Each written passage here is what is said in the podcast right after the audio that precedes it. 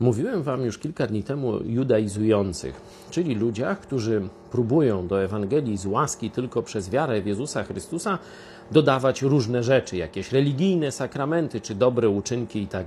Apostoł Paweł gani ich ostro w liście do Galacjan i mówiliśmy o tym, jakie są dwa ich podstawowe cele. To jest pierwszy rozdział, siódmy werset. Po pierwsze, chcą, chcą siać niepokój wśród chrześcijan, żeby zneutralizować jasne świadectwo i radość Ducha Świętego z pewności zbawienia wypływająca u chrześcijan. I dalej próbują przekręcić Ewangelię. Jeśli Ewangelia o darmowym zbawieniu przestanie być przez Kościół głoszona, no to praktycznie Kościół zostaje całkowicie uziemiony przestaje pełnić misję Jezusa Chrystusa. Dalej w drugim rozdziale apostoł Paweł jeszcze troszeczkę więcej mówi o metodach i celach tych judaizujących.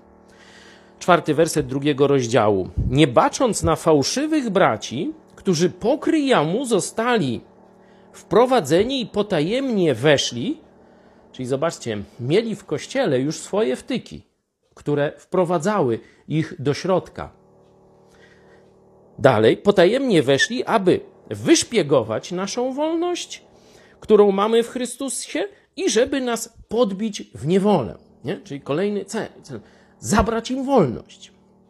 To jest cel judaizujących. Ale w następnym wersecie apostoł Paweł podaje rozwiązanie, a którym ani na chwilę nie ustąpiliśmy, ani się nie poddaliśmy, aby prawda Ewangelii u was się utrzymała.